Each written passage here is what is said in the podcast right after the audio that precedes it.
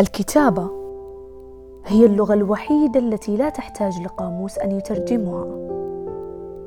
هي التي تنتشل أرواحنا بدنو الشعور وتجسيده على مسلمات أحبارنا.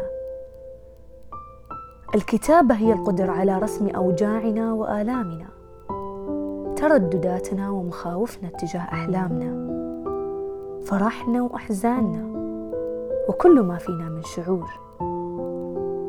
فالكتابة هي نجاة الغريق من أضمحلال آلامه وإيجاد ضالته بين طيات صفحاته.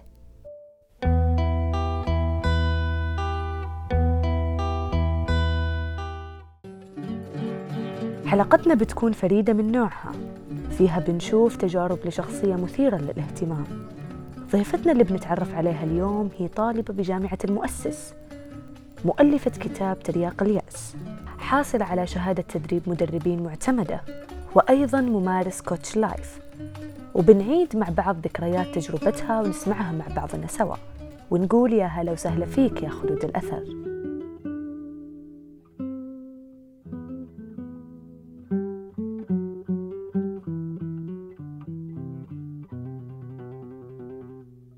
طيب يا خلود بداية عرفينا عن نفسك. من هي خلود؟ أهلا فيك دارين. طبعا أنا سعيدة جدا أني راح أكون معك في هالحلقة وبإذن الله تكون حلقة جميلة ومفيدة لمن يسمعها. خلود كعبي طالبة علاقات عامة بجامعة الملك عبد العزيز. من أنا؟ آه بعد خلود. غالبا أحب أعرف نفسي بأعمالي.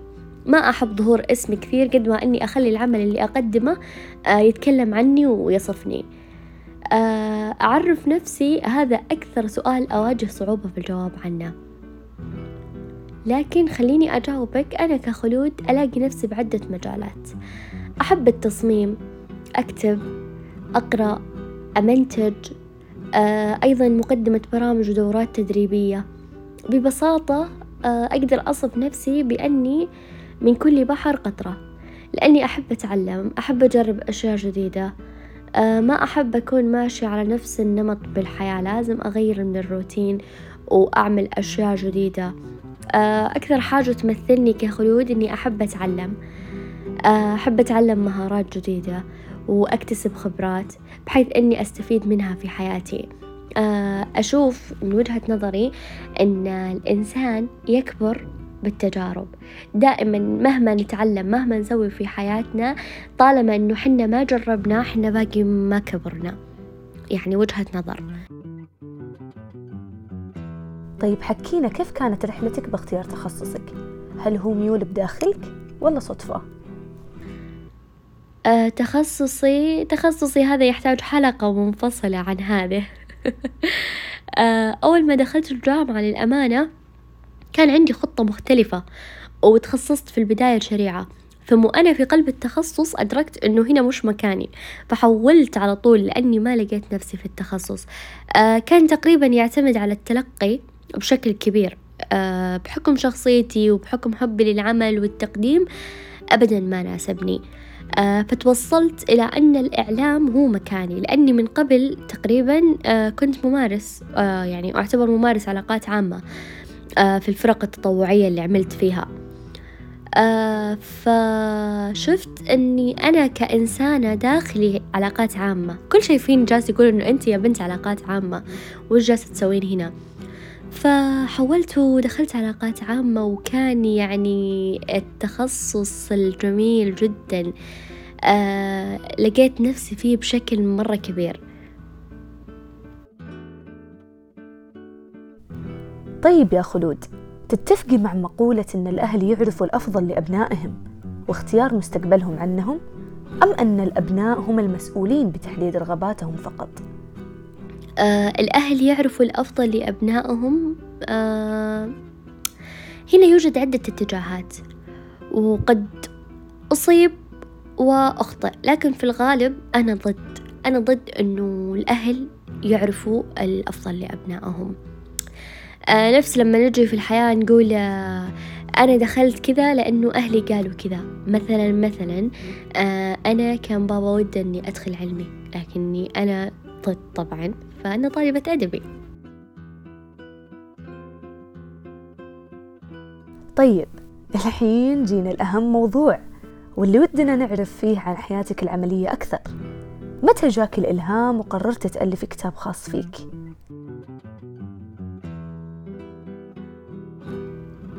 حياتي العملية خلينا نتكلم عن آه شوفي هو أمانة الكتابة بدأت يعني بدأت أكتب من ألفين وسبعة عشر كنت جدا جدا أحب أكتب يعني بدأت أكتب من باب حب. آه فكنت أكتب بشكل مرة كبير. آه قررت ألف كتاب. أنا دايما يعني هدفي في الحياة إني أغير. آه حتى إني أقول يعني إنه الخلود خلود الأثر وليس خلود البقاء. يعني دائما أسعى إني أغير في الناس أسعى إني أترك أثر طيب. آه أسعى إن كل مكان مريته يبان إنه أنا مريت من هالمكان. عرفتي؟ ف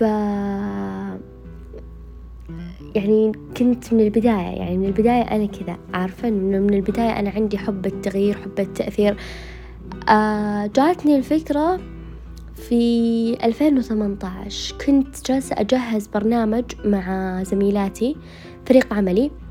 وكنا نجهز للبرنامج آه في أكاديمية جهة تطوعية كنت معهم سابقا. وجهزنا برنامج وسوينا برنامج صيفي مرة رهيب كسر الدنيا هذيك الفترة. لما جيت أستوعب أنه حتى الفكرة اللي في بالي ودي أسويها آه، مرة ممتازة وفكرة مرة جميلة لغرس القيم والمبادئ في الجيل الصاعد. فجلست أفكر أنه ليه ما تبدأين يا خلود؟ فبدأت وجهزت البرنامج اشتغلنا عليه تقريبا انتهينا منه. انتهينا من الهوية وانتهينا من التفاصيل وقمت أفكر في أني أنا يعني كاتبة. عندي القدرة على أني أوصل رسالة فليش ما أكتب في الشيء اللي أنا ودي أغير فيه؟ أه بدأت أكتب من 2018 بدأت أكتب وبدأت فكرة إصدار كتاب وأن لازم يكون عندي إصدار. كنت وقتها أقول إني لازم آه، أصدر كتابي قبل لا أدخل سن العشرين. يعني كان هدف بالنسبة لي أو بالأصح كان حلم ثم أصبح هدف والحمد لله تم تحقيقه. فوقتها بدأت أكتب وكتبت وبصراحة يعني الفكرة مرة جبارة والبرنامج إلى الآن موجود وإلى الآن يعني إن شاء الله بإذن الله جالسة أسعى في إنه يقدم ويقام. آه لكن خلينا نقول إن مخبى آه للتوهج في وقته يعني إن شاء الله بإذن الله. كل ناجح يعيش بعثرات حتى يصل لإنجازه اللي يحتذى فيه. فإيش العثرات اللي واجهتك ووقفت بوجهك وحاولت تصدك عن تأليف كتابك وصدوره؟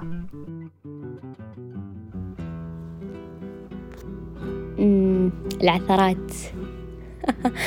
أنت عارف السؤال هذا خلاني أوقف شوي كذا أستوعب.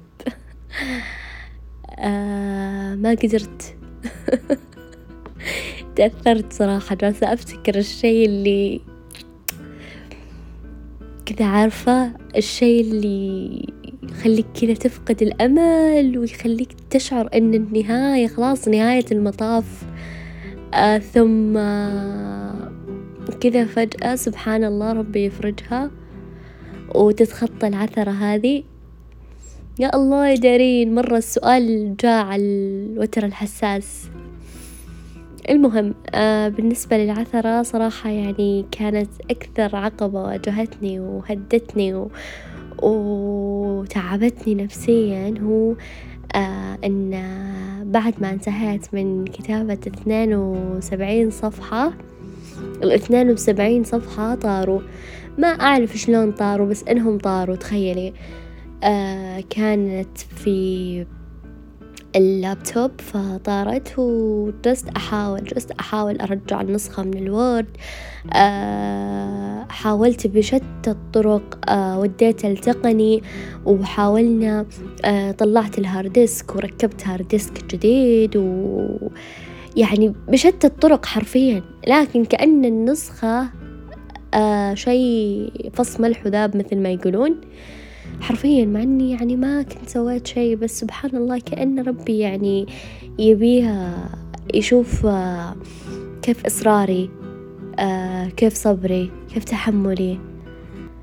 آه، يعني كانت هذه العقبة الأولى. مرة مرة هدني الموضوع وشوي كذا اللي جاتني لحظة فتور.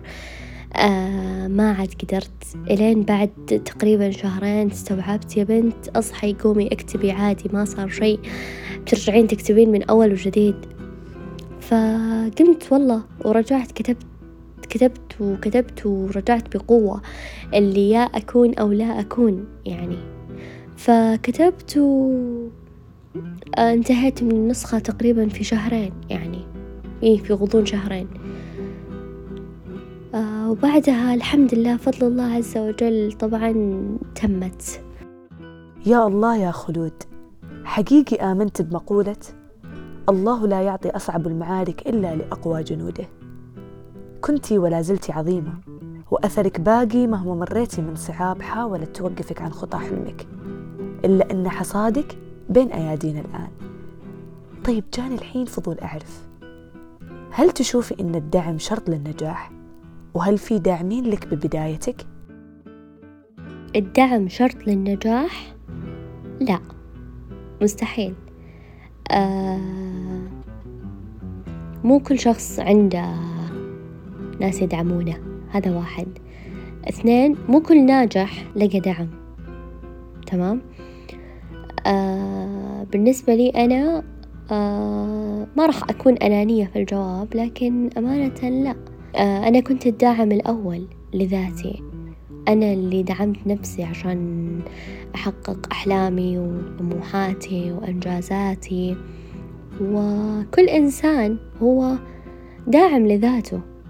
مو بشرط مو بشرط. يعني أوكي صح في ناس يعني ما شاء الله تبارك الله آه شايفين الدعم للناس اللي حولهم. في ناس لا. مو يعني مو شرط أن أكون ناجح لأن عندي دعم. تمام؟ هذا يعني لازم نكون منصفين فيه إن ليس شرط. ليس الدعم ليس شرط للنجاح. هذا نقطة. النقطة الثانية آه، أمانة لا يعني صراحة ما كنت مو إني ما لقيت الدعم لا بس إنه يعني أنا من الشخصيات اللي أحب أعتمد على ذاتي أكثر من إني ألاقي دعم من الآخرين. إيش أقرب مقولة دايما ترددينها بمراحل عمرك؟ وإيش معناها؟ والله شوفي بالنسبة للمقولات يعني ما أحس إن في مقولة معينة آه لكن كل اقتباس أجد فيه منفعة آه غالبا يعلق في ذهني آه من آه المقولة اللي كنت مرة يعني آخر تقريبا مش تقريبا آخر ثلاث سنوات لا قبل آه كانت عالقة من 2016 إلى 2019 كانت اللي هي آه يا حلما بعيد المنال صبرا آه فليس عند الله محال. كنت آه فترة فترة تحقيق حلمي هذا هو اللي هو كتابي. فعلا يعني كان كنت يعني أستشعر إن ما في شيء مستحيل وكل شيء ابيه راح أحققه بإذن الله عز وجل. المقولة اللي حاليا آه آه حاليا يعني صراحة آه من يوم ما دخلت سن العشرين وأنا آه بدأت معي مقولة الخلود خلود الأثر وليس خلود البقاء. فصرت أسعى دائما دائما أني أترك أثر طيب. آه، أحس أن يعني إحنا كبشر في هذه الدنيا يعني ما راح يبقى مننا إلا الأثر. فكل إنسان حسب الأثر اللي يتركه إما أثر طيب وإما أثر سيء. فصرت أستشعر أن فعلا الشيء اللي يخلد في الدنيا هو أثرك. في المجالس أوكي؟ مو يقولوا لك إن فلان آه لا مات ما راح يذكرونك إلا ثلاثة أيام وبعدها خلاص تنسى وكأنك لم تكن. فالشيء اللي يبقى والشيء اللي يتناقلون الناس هو العمل الذي قدم أو الخير اللي عملناه. آه فدائما دائما أحب أنه نحن كبشر نسعى أن نترك أثر طيب آه، سواء بكلمة سواء بفكرة سواء بابتسامة آه، سواء بجبر خاطر أيا كان. مهما كان الشي بسيط أهم شيء أننا نترك أثر طيب وأننا نكون خفيفين خفيفين ظل. حتى لو ما تركنا أثر نكون خفيفين ظل. نذكر بالخير بعد ما ننتقل من المكان اللي إحنا فيه.